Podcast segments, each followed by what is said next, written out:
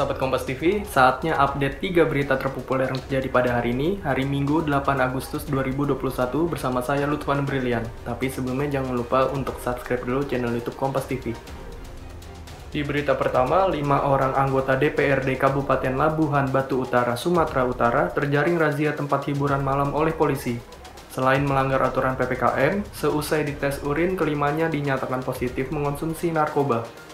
Inilah video amatir saat personel Satres Narkoba Polres Asahan melakukan razia di tempat hiburan malam di Jalan Sekopas Kisaran Kabupaten Asahan Sabtu dini hari. Di ruang karaoke ini, ada 16 orang di dalamnya, 5 orang di antaranya merupakan anggota DPRD Kabupaten Labuhan Batu Utara. Polisi juga menangkap 4 orang laki-laki lain, 7 perempuan, dan pemandu karaoke di ruangan yang sama. Polisi juga menyita barang bukti berupa narkotika jenis ekstasi. Sementara itu, Ketua DPRD Labuan Utara yang datang ke Mapolres Asahan mengaku prihatin dan menyayangkan sikap anggota legislatif yang ditangkap karena penyalahgunaan narkotika. Kelima anggota DPRD Kabupaten Labura tersebut yaitu JS Ketua Fraksi Hanura, MAB Ketua DPC Partai P3, KA dari fraksi Golkar, GK dari Partai PAN, dan PG dari Partai Hanura. mengamankan anggota DPRD, Pak. Benar. Ya. Berapa orang, Pak? Semua jumlah yang kita amankan ada 17 orang. Dari 17 itu 7 wanita, 9 laki-laki. Dari ke-17 itu ada 5 orang anggota dewan dari Labuhan Batu atau Labuhan Batu Utara, Ya. Labura, Barang bukti apa yang diamankan? stasi. Stasi ya. Berapa butir, Pak? Sedikit, Pak. Ya. Pecah-pecah dari dua pecah-pecah.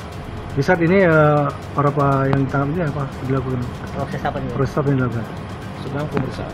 Sedang pemeriksaan ya. Oke, tes urin terhadap kelima anggota DPR ini apakah positif atau negatif, Pak? Positif ya. Kelimanya positif, Pak? Dari 17 positif semua itu, Pak? Tidak, tidak. Tidak ya. Berapa orang, Pak? Ada dua orang tidak positif.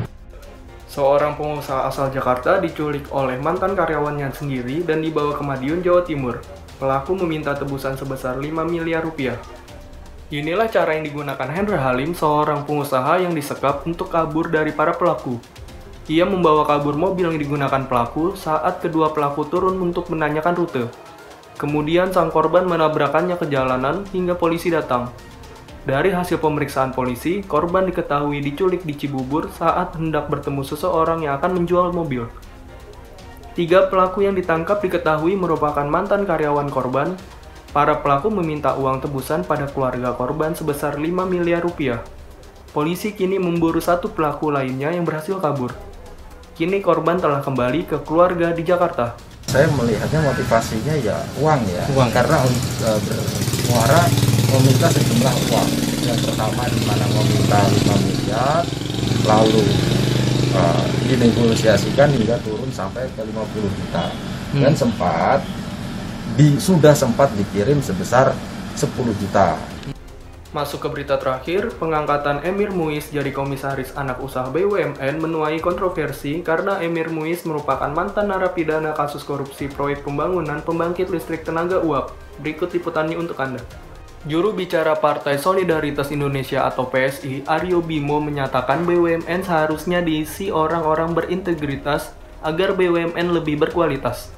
Karena itu, pihak terkait diminta lebih berhati-hati saat menunjuk pejabat BUMN supaya sejalan dengan semangat pemberantasan korupsi. Sementara itu, Indonesia Corruption Watch atau ICW mendesak Emir Muiz dicopot dari jabatannya sebagai komisaris PT Pupuk Iskandar Muda.